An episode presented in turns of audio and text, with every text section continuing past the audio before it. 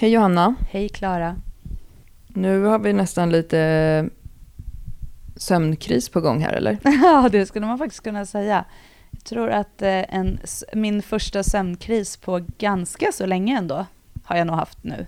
Du var ju inne och eh, liksom naggade på det lite i förra veckans avsnitt och det är ju lägligt, fast förlåt, det låter ju hemskt att säga Johanna, men vi samarbetar ju med The Nap Lab hela oktober och har ju valt att kalla oktober för Sleepy October. Ehm, de är ju experter på sömn och vi har sagt att vi ska prata extra mycket sömn under oktober och precis då så slår du till med att ha jättedålig sömn, din stackare. Ja, men jag är så himla van att sova väldigt bra. Eh, har ganska lätt för att somna och sovit, ja, men fått väldigt ostörd sömn. Så här, mina barn har sovit generellt ganska bra skulle jag säga. Men, eh, och jag har fortfarande väldigt lätt för att somna, för jag faller in i någon typ av brutal snabb Koma. Ja, men faktiskt nu så har det varit lite så den senaste tiden att jag har haft eh, svårare att somna också för att jag har haft väldigt mycket i mitt huvud. Eh, och det, jag har ju också så gått igenom en, precis en period med så här, tenta, extremt mycket eh, liksom examinerande redovisningar inom skolan och sådär. Och eftersom det är så nytt så hamnar jag lite i det här att jag sitter väldigt mycket och gör och sen när jag väl bara stänger ner och tänker så här, nu ska jag gå och sova, då liksom ploppar allting upp. Då blir det så här, just det, så där kunde jag ha skrivit, så där kan jag tänka. Ja men det här klassiska när man är stressad eh, eller liksom har mycket i huvudet. Och jag har inte upplevt på något sätt att jag har för mycket så att jag mår dåligt av det, utan det har bara varit intensivt, vilket jag tycker det ska vara när man har typ en hemtenta. Alltså det är ju mycket så här, man vill göra, eller man, jag vill göra ett bra jobb liksom. Eh, så, men, och sen så har dessutom på, på det här då så har eh, det varit ganska mycket så här, barnen har vaknat. Ludde har vaknat på nätterna, han eh, behöver kissa på nätterna, vilket är så här, eh, inget dåligt eller något, men då har det också blivit så här att han går alltid till mig först, vilket är så här, jag tror att det är för att jag är mycket mer lättväckt. Men eh, att även om, inte ha, även om Anton går upp med honom och kissar så blir det lite att man vaknar och så kommer han in och ska ligga bredvid och då är han extremt så här, ligga bredvid mamma. Eh, och så, så har även de andra barnen vaknat och haft så här, lite mardrömmar och det har varit nya. men så här, de är också så här, ny period i skolan och mycket, alltså allt är igång igen och så här. Det är klart att alla har lite så här i huvudet. Och sen har jag då, varit dålig på att stänga av på kvällen. Jag har suttit så här, gjort de där sista surfningarna i onödan, så man kan känna så här, varför har jag lagt den här timmen på att bara slösurfa istället för att gå och lagt mig liksom. Men mm. nu eh, här för några dagar sedan så bara var jag så här, jag kommer skicka ju typ till dig och bara, nu gör jag inget mer. Nu ska jag bara gå och lägga mig typ. Och så gick jag och la mig och bara avbokade allt som var på typ agendan och gick och la mig typ och sov. Eh, och fick också en bra natt. Eh, och sen så kändes det lite som att jag var en ny människa. Men nu har jag lite fokus för mig själv att, eh, eh ja men just det här är det nödvändigt det här jag ska göra nu, eller kan jag faktiskt så här, gå och lägga mig lite tidigare? Mm. Så jag försöker att lite sömnfokus, sovfokusera, eh, och också att eh, vi, vi försöker såklart att hjälpas åt eh, med att gå upp om barnen vaknar, men det är just det här uppvaknandet, ibland spelar inte så stor roll om man får, även om man inte är den som går upp. Men, så, nej, men så jag har lagt lite fokus på just det här med att eh, välja bort eh, skärmen lite innan nu och försöka så att huvudet får varva ner innan jag lägger mig i sängen. Alltså att, så att det inte är så att jag sitter med det jag håller på med precis ända fram tills jag går och lägger mig. Utan att jag faktiskt... Av och påställningstid. Exakt, det har jag. Och vilket finns det ju också väldigt mycket som visar på att det är positivt. Så det försöker jag verkligen att tänka på. Eh, och just att det kanske blir istället att man lägger sig med barnen och läser en bok nu, eller att de läser. För det är också lite det här mm. med kvällsrutinerna nu, så här, barnen ska läsa bok och det är ganska mycket läxor. Och då blir det ju den mm. tiden så här, efter aktiviteter när de kommer hem. Alltså, så det blir, går ju ganska snabbt de här timmarna på kvällen. Så att då blir det också att man är så här, att man bara, klockan blir snabbt väldigt mycket om man vill gå och lägga sig tidigt. Så ja, men, nej, men jag, jag jobbar på med sömnen och jag känner faktiskt att um, jag, jag, tror att med små medel så kan jag åtminstone i alla fall få några fler timmar innan nattprocedurerna drar igång. Ja, du får jobba lite med de där äh, rutinerna som vi pratade om i förra avsnitt. Att verkligen eh, blockera vägen till sängen ja. med, med mörker. Ja, men lite så. Nej, men eh, lite fokus på det faktiskt. Men du då, däremot, det är, är nästan tvärtom så här. Det är jag som brukar sova så jäkla bra och du brukar ha svårare med sömnen. Men du har ju är snarare tvärtom, du har varit extremt duktig nu under en period när du också har väldigt mycket att göra. Ja, precis. Och det är väl det som räddar mig just nu. För just nu så jobbar jag mycket i några veckor med ett eh, projekt. Och det pågår bara under en kort tid. Och det, det är ju lite därför som jag har varit extra noga med sömnen då. Men jag tror att jag, tror att jag kanske har kommit in lite bättre just i den här rutinen. Mm. Eh, att jag verkligen gör på samma sätt. Det är lite som att ta vitaminerna på kvällen. Nu gör jag så här liksom och så dunk, dunk, dunk. Och sen så, men på något sätt är jag också, tror jag, så trött för att jag jobbar så mycket just nu att jag somnar väldigt fort också. Mm. Eh, och sover ganska bra. Så jag hoppas att det kommer betala ut sig i form av massa gains. För jag är faktiskt jätteglad att jag också har tränat under de här veckorna som jag har haft så här skitmycket att göra. Det har faktiskt jag också gjort. Ja, det har jag bestämt mig för att hålla vid och verkligen göra. Att man inte släpper ja, det. och det är ju så skönt när man har den rutinen och det ger den energin som, som träningen ger. Men jag har ju också, precis som du, liksom försökt att ta bort massa andra saker just nu. Så just nu de här veckorna, um, och vi har ju rest två jobbhelger på raken. Uh, och sen så har jag jobbat långt mycket mer än heltid under veckorna. Så att jag har ju inte liksom något socialt liv just nu, men det gör liksom inte så mycket. Alltså jag vet ju att det är en kort period, då är det faktiskt också lättare. Jag tycker det är svårare, och, alltså jag minns ju den perioden som du är i nu. Eh, och jag minns den ju ännu mer den här perioden när jag hade små barn som verkligen sov dåligt hela tiden. Och då var det ju som att varje kväll när man skulle gå och lägga sig så var det så här, hur, hur kommer den här natten att bli? Mm. Och då är det lite så svårare att se ljuset i tunneln, för jag ser ändå ljuset i tunneln liksom, med att jag har en intensiv period och då finns det mer energi till det. Liksom. Ja, ja, verkligen. Alltså det, men ibland så måste man fokusera på vissa saker och ibland måste man, precis som du sa, eh, för, ändra sina förutsättningar eller plocka bort någonting. Och, och då får man göra det. Och så får man se till att, att det blir, eh, fungerar för den situationen man är i just, just nu. Ja, men har du, känt av, har du känt av det här med sömnen någonting i dina träningspass? Uh, ja, men jag skulle säga att jag har gjort det lite. Alltså jag har ändå presterat, jag skulle säga, jag är, ibland så blir jag, vad ska man säga, jag chockerar mig själv över att jag presterar så bra i träningen, vilket jag tror ändå är ett bevis på att jag sköter det mesta hela tiden. Alltså jag försöker ändå att liksom jag äter och ja, alltså att jag försöker att få alla de här sakerna som blir ändå viktiga. Så äh, jag, tror, jag har ändå gjort det. Sen har jag känt mig lite sliten, men jag vill också påpeka då, och det har jag sagt några gånger, jag har ju också, vi har dragit ner min volym ganska mycket just nu. Så att träningen just nu ska vara mer till syfte att få känna att jag får underhålla och att jag får lite så här rensa hjärnan och må bra. Eh, sen gör jag ju ändå mina lyft och jag har ändå en progression i träningen. Alltså jag gör tyngre lyft. Alltså jag har gjort tvåor på, mina, på mitt pers i bänk. Alltså jag gör jättefina lyft och det går bra för mig i träningen. Men jag känner ibland att jag så här, åh, jag undrar om jag ska träna idag och så åker jag och tränar och så blir det ändå bra och sen så känner jag mig så här, åh, jag är lite sliten efteråt och så där. Så jag, det, det har varit lite upp och ner, men jag känner ändå att det, så här, det finns en väldigt en känsla i att jag väljer verkligen bort träningen om det är så att jag känner mig sliten eller för trött. Det har jag gjort. Och så har jag valt att träna en annan dag, vilket har då oftast gett bättre resultat. Så att jag, jag tycker ändå att jag är jäkligt bra på att lyssna på kroppen. Det är jag liksom. Bra. Ja. Vettiga podden 2020. Jag skrev ju till dig häromdagen att jag hade haft stjärtsalva i ansiktet för att jag har varit så torr på läpparna. Och då skrattade du och bara Alltså vi två. Ja, ibland så kan vi ju garva åt oss själva och så undrar vi vad vi håller på med. Men det är väl också livet. Alltså allting är väl inte alltid läppglans på läpparna så att säga. Ibland är det lite stjärtsalva på läpparna och lite torka överallt. Exakt. Vi vill påminna om koden som vi har hos The Nap Lab under oktober som är 15% rabatt i deras webbshop. Eh, och koden är Styrkebyrån. Så det är en väldigt lätt kod att komma ihåg. Så om du inte vill bli som vi eh, och ha stökiga sömnoktober, utan du vill bli ett sömn-animal, gå in där och skaffa tyngdtäcke. Alltså jag har så bra med mina tyngdtäcken just nu. Och eh, den här veckan som precis var när jag hade mina barn, så precis som jag sa i förra avsnittet, så sov min yngsta tjej i sängen med mig varje dag. Eh, och, det, och då ligger vi under varsitt tyngdtäcke och går och lägger oss samtidigt och ligger där i mörkret och bara snusar. Mm, skönt. Ja, vi, vad heter det, jag gjorde det, jag hade någon så här, äh, en kväll när jag bara, nu ska jag bara gå och lägga mig. Jag bara, nu gör ni er klara, annars får ni gå och lägga er efter mig, sa jag bara till barnen. Och Anton var också så här, ja jag ska också gå och lägga mig ikväll. Typ, båda var så här, väldigt behov av sömn liksom. Så vi bara gjorde oss ordning och så bara, du vet, så här, öppnade dörren till sovrummet, på med tyngdtäcke och duntäcke och sen bara, godnatt.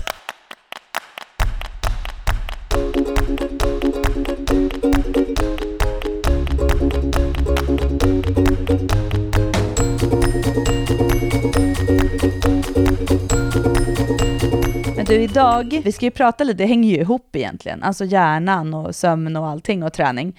Men vi ska prata lite mer om mental träning och hjärnan. Ja, det är kul att följa upp det. För att jag tror att både du och jag är lite inne på det här med mental träning nu för att vi eh, nyligen höll en workshop i det också. En sak som vi säger i början av våra workshops det vill jag nu säga att jag har suttit inför det här poddavsnittet och gjort massa research, för jag gillar inte att säga saker som det inte finns fakta bakom. Och en sägning är att människan tänker ungefär 65 000 tankar varje dag, och av dem är 95% samma sak. Men jag har faktiskt inte hittat någon källa på det uttalandet. Så om någon som hör det här har det så kan den eh, skicka till mig. Däremot så finns det otroligt många träffar om man söker på det. Alltså det, det, det, är ett uttryck som det verkar som att de flesta som jobbar med mental träning och idrottspsykologi och sådär, de svänger sig med det uttrycket. Men man vill gärna veta var det kommer ifrån. Och jag kan anta att det kommer ifrån någon slags estimering, du vet, av så här, så här många tankar tänker en människa per minut eller någonting sånt. Men det är lite det som är grund, grundingången i dagens avsnitt kopplat till det här med mental träning. Och lite det här med eh, negativa tankar. Ja, för vi, vi stöter ju väldigt, väldigt ofta på i sammanhang när det gäller eh, vår målgrupp och folk i våra communities och sådana eh, ordet borde. Så väldigt mycket av det här kopplat till just borde och negativa, den negativa klangen i det. Ja, men ordet borde, det är precis som försöka, tänker jag. Nu, för oss som jobbar med träning, så är ju det också någonting som man får höra väldigt ofta som tränare. Jag ska försöka komma iväg imorgon. Och det finns ju också massa så här, eh, klassiska sägningar om det, att om du har sagt att du ska försöka något så kommer du inte göra det. Det är bättre att du säger att du ska göra det. Jag ska, jag ska försöka gå till jobbet imorgon. Jag ska försöka få iväg barnen till skolan jag imorgon. Jag borde det, gå till jobbet. Det är inte samma sak. Ja, jag borde gå till jobbet. Jag ska gå. Jag vill gå till jobbet imorgon. Det är positivt. Ja, jag måste. Nej, jag vill. Jag, måste jag vill gå ju gå till jobbet, för jag vill ju lära mig nya saker. Jag vill möta nya människor. Jag vill ha lön. Jag vill ha lön, exakt. ja, men grejen är lite varför vi började prata om det här var från en diskussion i en av våra Facebookgrupper för träning. Eh, Team Styrkebyrån tror jag att det var. Och då var det en eh, tjej som skrev eh, att hon var jätteglad, för hon hade skaffat gymkort efter corona. Hon hade liksom tränat hemma hela tiden fram till nu. Eh, så då hade hon eh, tränat på gymmet och sen så skrev hon någonting om att så här, ja, det blir så himla mycket stillasittande vid datorn nu när man jobbar hemma, så det känns ju jätteskönt. Och då skrev jag till henne någonting med att så här, jag känner igen mig, jag drog ut adminlinan på en promenad idag på grund av det. Och så gick vi runt eh, Hammarby sjö här, så vi fick en redig promenad och det var jättehärligt. Eh, och då svarade den här tjejen att så här, ja men jag Eh, jag tänker hela tiden att jag borde röra mig mer. Eh, och sen så skrev hon så här, jag, där fick jag ut på lunchen idag också och sprang 25 minuter. Och sen så hade hon också haft några barnaktiviteter på kvällen och någonting. Och då skrev jag så här, men träning två gånger och liksom jobb och familj. Det är ju jättehög aktivitet på en dag, skrev jag. Och då, och då svarade hon mig så här att ja, nu när jag ser vad jag har skrivit så, så ser jag ju att du har rätt. Men det är nog mer att jag hela tiden tänker att jag borde röra på mig mer. Och det där tycker jag är så himla intressant. Och om det då är så, om det stämmer, det här uh, uttrycket som inte jag har hittat fakta under, att vi tänker 65 000 tankar varje dag och att eh, av dem är 95% samma sak. Och om man då är liksom medveten om att man har en tanke som man ofta tänker, för så är det ju. Mm. Um, om man vet att man är en person som tänker jag borde mycket, tänk då hur mycket man faktiskt tänker borde. Det är det som är det skrämmande. Och jag svarade den här tjejen att så, här, så där tänker aldrig jag. Eh, och det är väl lite det här att både du och jag är liksom personer som tycker, vi tycker ju att vi båda är väldigt så här härliga och bidrar ja. på bästa sätt. Och jag skrev så att jag tänker snarare varje dag att så här, om inte jag får gjort saker eller så, så är det liksom systemet det är fel på. För jag vet att jag gör mitt bästa hela tiden. Jag tänker snarare så här, gud vad jag är bra och jag åstadkommer mycket. Och om, om jag har en sån här period som jag har nu, där det är stressigt, jag jobbar mycket hemma, men jag har jättemycket att leverera, det blir mindre träning, det blir mindre socialt liv, då tänker inte jag att det är jag, att det är mitt fel, att jag borde. Förstår du vad jag ja, menar? utan att det, att det är själva systemet det är fel på egentligen. Alltså, Ja, det är alltså livspusslet, eller ja, det är ju ett fruktansvärt ord. Eller, Mm. Ja. Utan jag tänker, ju, jag tänker ju att jag gör så gott jag kan hela tiden. Mm. Jag tänker aldrig att jag gör för lite. Nej, jag försöker också tänka just att, så här, att utifrån det jag vill göra, att jag måste skapa förutsättningar för det. För att jag vill inte hamna i, jag borde göra det här också. Sen ibland, så jag, i perioder, så kan jag uppleva att jag hamnar lite i det. Och varför jag gör det, det är oftast för att jag hamnar i lite obalans i den här, liksom vad, vad jag kanske, om jag, att det blir massor med saker som är extra eller att det blir mycket av någonting. Lite där som du sa, att det är systemet just då som, det, som inte riktigt är rättvist. Och då blir det ju lätt att man hamnar i det och då behöver man också eh, hitta sätt att komma ifrån det. För att jag vill hela tiden, det är som nu till exempel så var det så här med, med eh, när jag hade hemtentan till exempel, så här, då vill jag göra det här och jag vill göra det här. Alltså någonstans måste jag hela tiden se till så här, okej, sen vill jag också kunna träna. Då vet jag också att jag inte kan göra det här. För att om jag gör det också, då kommer jag tänka, och jag borde göra det här också, för att jag hinner egentligen inte det. Så ett, ett sånt sätt som, som jag tycker och som funkar för mig, det är ju just att hela tiden lite utvärdera själva statusen. Om jag tänker de här borde-tankarna, varför gör jag det? Ja, precis. Jag, men jag tror att jättemånga gör det konstant hela tiden utan att man tänker på det. Och sen också att man har den här synen på sig själv som jag är en sån som, du vet. Eller jag är en sån som inte. Alltså, det är ju väldigt stor skillnad att, att, att ha en negation också kring liksom sitt varande och sådär. Och eh, jag tänker också att det här med att vi liksom faktiskt kan träna hjärnan till eh, hur vi tänker, det kan också påverka hur, hur vi faktiskt mår och hur vi känner. Och det är ju också en så här klassisk sägning, nu tror jag säkert att du kan hans namn utan till för jag har glömt bort det, men det finns en, en snubbe som sa att hjärnan kan inte förstå skillnaden mellan det som är tänkt och det som den faktiskt har gjort. Eh, och därför så, det är det som är liksom själva grunden i det här med mental träning också. Så om man kan identifiera att man har de här tankemönstren eh, så kan man också till viss del ändra på dem.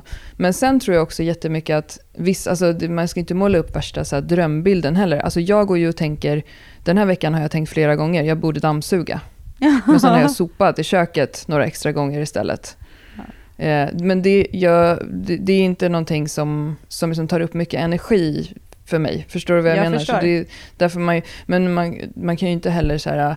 Jag tycker inte man ska ha som mål att bli någon så här Siddhartha-människa som går omkring och bara allt har ett syfte och jag är helt nöjd. Alltså, jag tror ju också att människan till viss del måste acceptera att det finns ett visst mörker och det finns jobbiga tider och det finns liksom ehm, alltså folk som inte har en svart själ tycker jag är ganska platta och tråkiga. ja, det jag ska bara lägga till, det är Johan Plate som har sagt det där, med det du sa. Ah. ja, Ja, men jag tror definitivt att, att eh, det är så. Jag, det är självklart att jag har negativa tankar också. Eh, det, det, jag hoppas inte att jag är en platt själ, ut, vad sa du, en svart? Nej, men du vet vad jag menar som har så här, eh, carpe diem Ja. på väggen och så här, idag börjar jag min dag med att säga det här till mig själv i spegeln Mm. och sen så njuter jag av en latte som har ett så här hjärtformat mönster Men du, i sig. Klara, och sen gör kan- jag så här hoppsasteg Nej, till jobbet. vänta du Klara, kan det vara så att innerst inne i det här så känner du en avundsjuka på de som klarar av att göra det här? Eller tror du inte att det är hela sanningen då? Jag, jag, vet, jag har inte reflekterat så mycket om det hela sanningen. Jag har bara reflekterat över att människor som är väldigt så här, alltid så mysigt, de har jag väldigt svårt att relatera till. Alltså livet är ju liksom, Sartre sa, hell is other people. Mm. Nej, men för jag har också en vision om det här, att där utåt sett ofta ser väldigt perfekt ut, och då menar jag just med sånt här, och hela tiden fånga dagen och ljusglimtar och allting vad det nu kan vara, att det Ja. finns ett, ett kanske lite större mörker där egentligen. Ja men det är ju lite som det här, vi har ju haft ett sånt skämt om att alla par som börjar lägga ut så här älsklings snutte snutte älsklingen bilder i solnedgång när de håller hand med varandra och sådär. Det är alltid de som skiljer sig sen. Ja men sådana där människor orkar man ju inte med. Alltså förlåt, men sådana här som är så här uh, solsken, uh, skitsamma. Det är inte det jag menar. Jag, jag menar att så här, livet är inte alltid glass och ballonger. Ibland har man stjärtkräm i ansiktet. men, men, men däremot så tror jag verkligen på att man kan påverka eh, liksom acceptansen av en själv och ha en mer neutral inställning till vad man gör. För att jag upplever ju att liksom 99% av alla som, som vi träffar när vi jobbar med träning är ju personer som vill otroligt mycket och liksom är jättebra personer. Och det är jättetråkigt om de går runt och känner att de inte gör tillräckligt. Så, det vill jag ha sagt. Och att man faktiskt kan jobba med det här i grundläggande mental träning. Man brukar dela upp mental träning i just två delar, där den ena delen är det som du sa. Grundläggande mental träning handlar om att lära sig att slappna av och lära sig att fokusera och lära sig att ta in och lära sig att känna sina känslor. Och sen att den andra delen, den är mer liksom prestationsinriktad mental träning, till exempel inför eh, ett SM-lyft i marklyft, att man kan liksom jobba med visualisering och sådana saker. Men en, och en sak som eh, jag tycker är spännande, som vi har läst om till det här avsnittet, är en studie från 2019 som man gjorde på eh, ett samarbete mellan Karlstads universitet, Högskolan i Halmstad, Göteborgs universitet och Centrum för idrottsforskning. Och det här var en studie där de jämförde, kan man säga egentligen, det här med grundläggande mental träning och eh, prestationsinriktad mental träning på idrottare.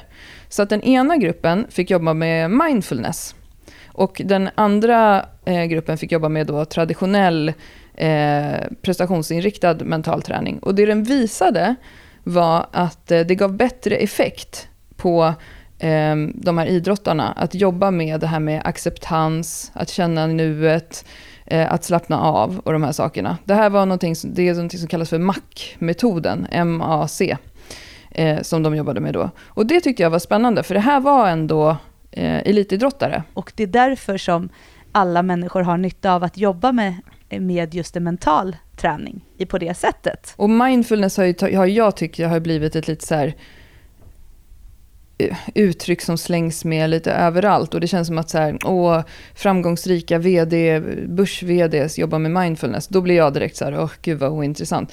Men det handlar ju, det handlar ju, behöver inte alls handla om det, utan det kan ju helt liksom enkelt handla om att när du får en nervositetstanke eller när du får en negativ tanke, till exempel jag borde träna mer, eh, att liksom identifiera den tanken och känna så här, nu känner jag så här, och sen lite reflektera över det och acceptera det. Precis det här jag sa innan, folk som, och lite som du sa också, just det här med folk som, som hela tiden menar att allting är så himla bra, eller folk som eh, tycker att det är väldigt jobbigt att de tycker att allting eh, känns negativt, men att det kanske snarare handlar om att just acceptera de känslorna, att det kan vara så enkelt. För grejen är att det är också, jag tänker att det är en acceptans som krävs för att du ska förstå det, och för att du också ska lite förlika dig med ditt läge. Det här som vi pratade om, att för att kunna förstå och eh, hur, det, hur det är och varför du får de här tankarna så måste du någonstans acceptera att du har dem. Eh, och så är det ju när man jobbar med negativa tankar för en prestation, alltså för en målinriktad prestation,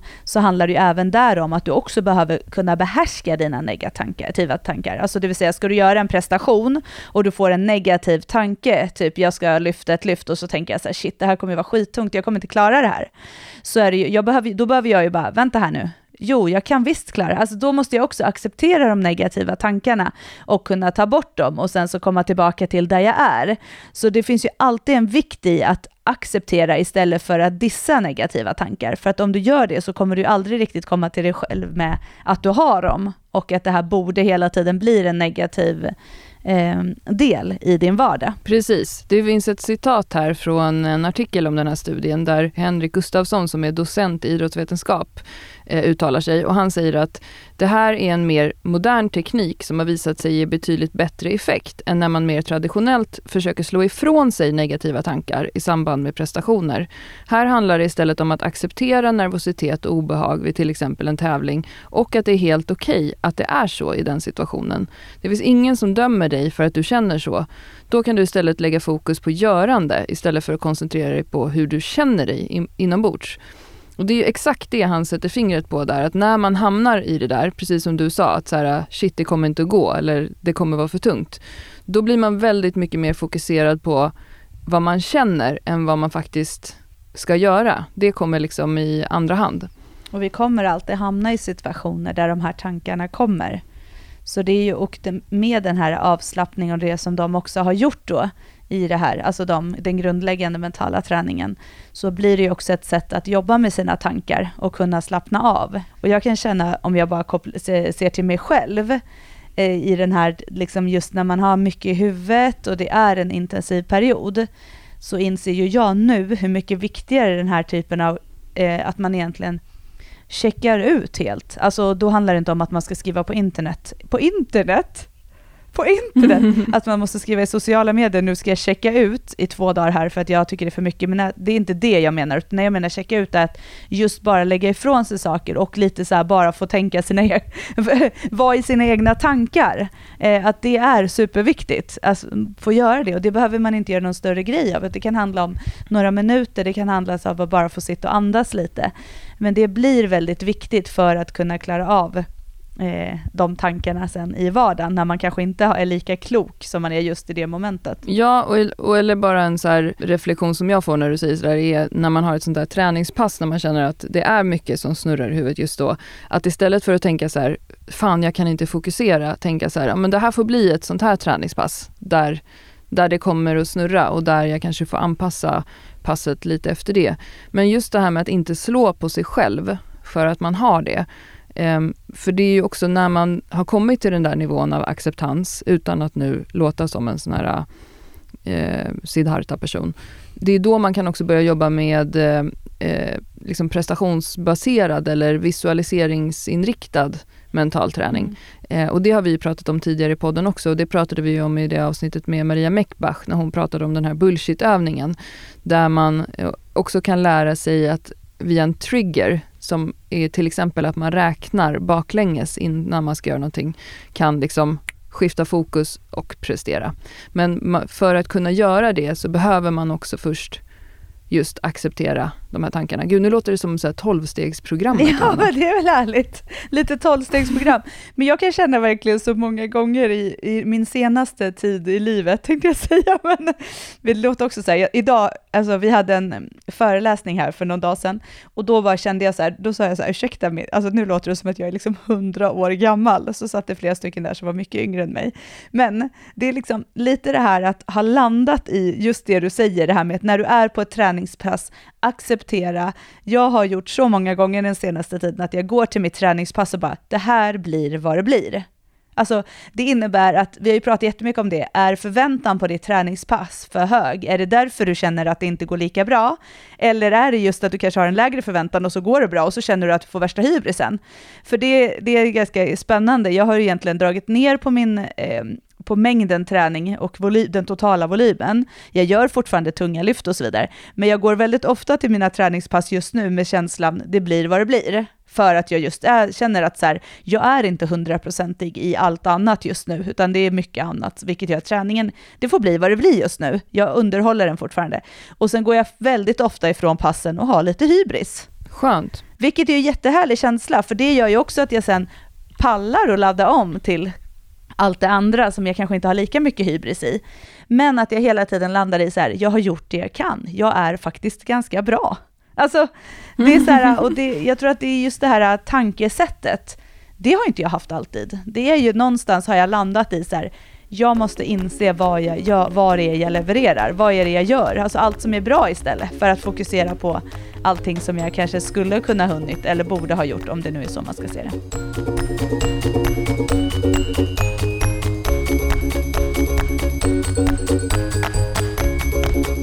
Har du haft någon sån här, eh, nu när vi pratar om nu och då. Har du, har du haft någon period där du vet att du har varit inne i något sånt här, jag borde tänkande? Eller? En period som jag vet att jag hade extremt mycket negativa tankar kopplade till mig själv, vad jag borde göra och vad jag inte borde göra och så vidare.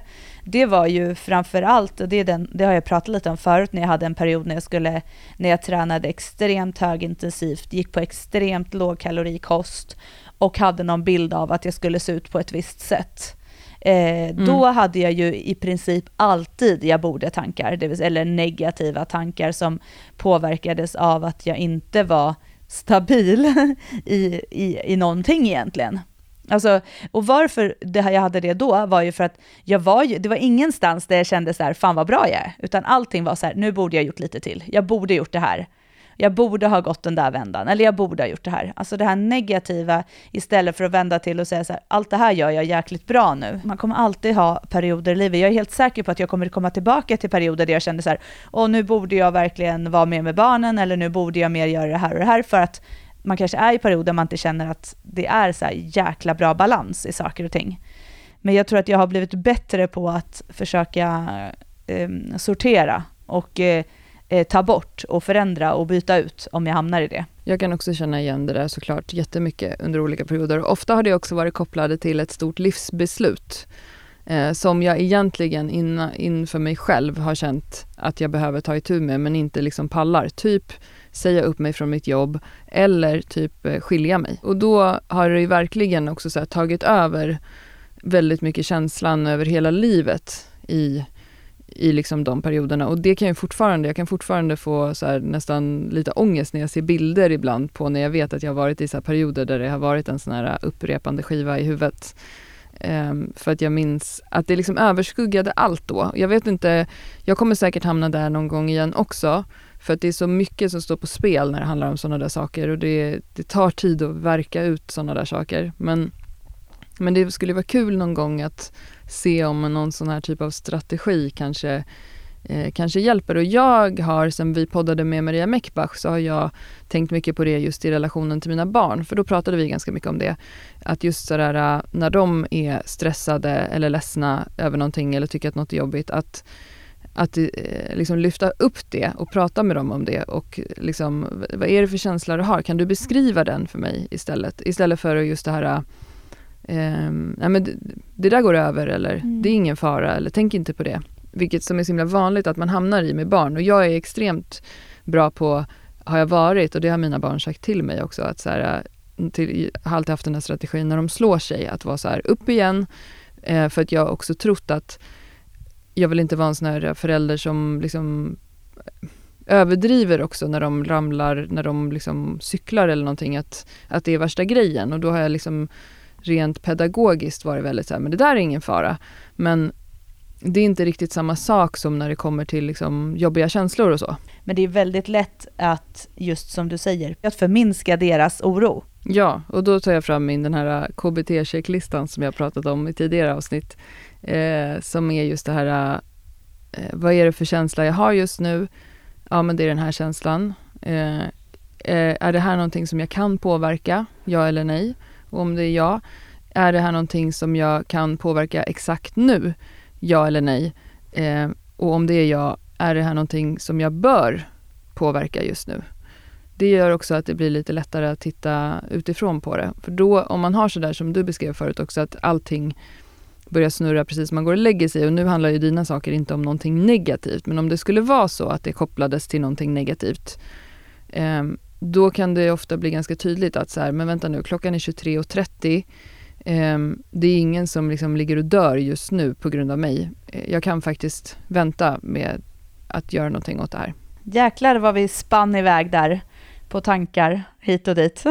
Jag ska lägga ut bilder hela veckan på oss två där vi är i så här motljus och det står så här älsklings snutti snutti bästa vännen. Allting blir fantastiskt med dig. Gud vad du har fastnat på det där. Lite mer mindfulness i våra liv, Klara, det skulle vi säkert må bra av, skulle jag säga. Ja, men rimlig mindfulness, det är det jag pratar om. Just det här att så här, det är rimligt också att acceptera att allting inte är glass och ballonger. Alltså ibland har man stjärtsalva i ansiktet. Ja, men jag tänker att liksom. mindfulness är, det är ju för att namnet i ditt huvud klingar på ett visst sätt. Ja, exakt. Men om man tänker mindfulness, eller om man bara, jag tycker så här, avslappning tycker jag är ett bättre ord att säga. För det blir också lite mer avdramatiserat. För jag kan uppleva så här, när, när man säger så här, oh, jag måste göra något med mindfulness, för mig är det så här, det blir ett sånt projekt. Istället för att tänka så här, jag ska sitta och andas i några sekunder och känna att jag lite fattar vad jag tänker. Alltså förstår du skillnaden? Att så här, vi kanske, man kanske inte måste göra det så stort. Alltså, lite bara så här, det vi sa, så här, någonstans så här, varför har jag mina tankar? Andas lite, tänk lite på dem. Alltså acceptera dem och så behöver du inte liksom ha att du ska ligga på rosenblad och det ska vara någon viss musik i en viss genre och du ska ha någon matta med någon nål på. Alltså, jag, nål? jag för mig, ja men ligga på så här spik, alltså för mig är mindfulness så mycket. Alltså det, det är så här, jag, då, det blir så stort och så ska det vara på ett visst sätt och så på ett, annars gör man fel. Lite så, att det är rätt eller fel. Medan jag tänker att så här, det som, som jag tror att många skulle må väldigt bra av är lite avslappning och det behöver inte vara så speciellt. Nej, och det kan ju också vara så här på gymmet att i ett lyft liksom känna så här, ja men fan, jag mår lite rövigt just nu men eh, det är okej. Okay. Jag, jag lyfter ändå. Det är ju också en form av mindfulness, bara att man liksom, just att man är medveten om eh, och accepterar att de tankarna dyker upp. Ja, ta ett djupt andetag, sträck på dig lite, upp med armarna i luften och gör lyftet. Tänkte du på ditt Jesus, Jesus marklyft nu? Nej, men jag, vet, jag gjorde faktiskt så häromdagen på gymmet när jag var lite så här, jag kände bara så här, gud, jag ska göra ett, mitt tyngsta lyft i knäböj på, jag vet inte sen när, jättelänge. Och jag bara kände så här, herregud, och jag är liksom, alltså jag är här och var med tankarna och jag är inte alls fokuserad och så här, och då bara ställde jag mig, tittade på stången och sen bara blundade jag, öppnade upp så här, som att jag tänkte så här, för fan, här är jag. Alla så här ser mig nu, typ så tänkte jag. Mm. Nu går jag in och gör det här lyftet riktigt bra. Och så bara drog, gjorde jag så här. Ja, och sen gick jag in och lyfte. Men jag tror att du är mycket mer mindful på det sättet än vad, än vad du själv tror. För jag tror att du har med dig väldigt mycket av det där eh, från din idrottskarriär. Och jag tror eh, att om du skulle öva på det, nu kommer jag vara så här fröken, då skulle du kunna applicera det på just den här äh, vardagsmankemangstressen äh, eh, också. För att just när du gör den där grejen i gymmet eller när du tävlar eller när du ska prestera fysiskt, det är ju du grym på. Det, där är du hemma liksom. Ja, men så är det kanske. Jag har svårare att ta till det i vardagen, i de vardagstankarna eller i vardagssituationer. Men på gymmet eller i en idrottsprestation så har jag gjort det så många gånger. Fast jag tänker inte på det. Mm, ja, det, är, det är nog sant. För där reflekterar jag ju inte ens på att jag gör det. Jag bara gör det. Och det roligaste är att jag ser det här på filmen efteråt. Alltså jag har filmat, för det jag skulle filma mitt, jag filmar mina lyft för att jag skickar dem till min coach också. Så, och då filmar jag oftast det tyngsta lyftet, så det var liksom, då har jag ju ställt den där och sen går jag och gör hela den här proceduren.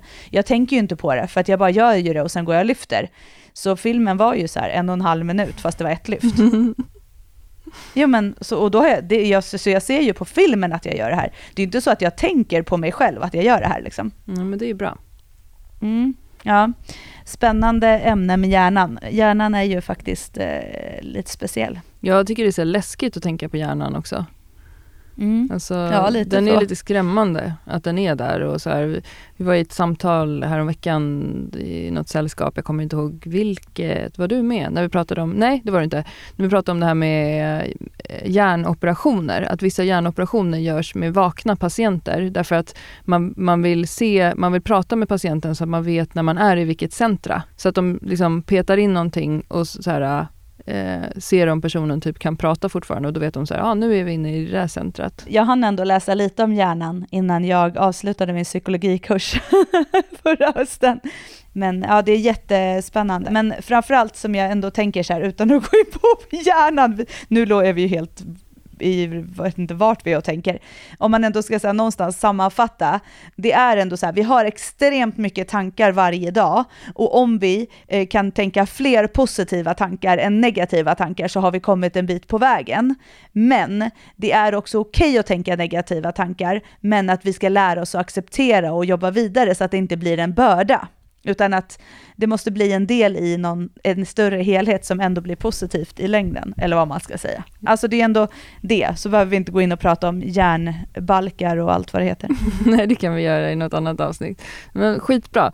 Eh, jag tänkte, vi borde faktiskt ta itu med att digitalisera vår mental träning workshop som vi har pratat om. För den är faktiskt, ja. den är faktiskt bra. Jag tycker den är bra, Johanna. det tycker jag också. Vi är bra. Det, det, och det är inget, då är det inget så här, um, känn hela kroppen, känn hela kroppen. Det är inget sånt där. det är så roligt. Ja, nej men den får nog, eh, vi får helt enkelt jobba på att den får eh, digitaliseras så att fler kan ta del av den. Ja, men jag tänker vi kör i Zoom. Ja, det får vi göra. Det, det, där, det, det får vara ett på sån här projekt, upcoming projekt. Digitalisering av vår mentala träning, föreläsning. Så som ett avslut på det här med hjärnan, hjärnan behöver också sova. Och eh, eh, den här Sleep i oktober har vi ett samarbete med The Nap Lab och man får 15% i deras webbshop med koden Styrkebyrån. Så uh, kika in där. Och eh, se till att sova ordentligt för det är bra för hjärnan och det är bra, bra, det är bra för, för alla, Det är bra för alla runt omkring dig också. Exakt. Ja. Härligt. Bra, vi hörs igen om en vecka då. Det, det gör vi. Tja. Ha det bra. Hej. Hej. Thank you.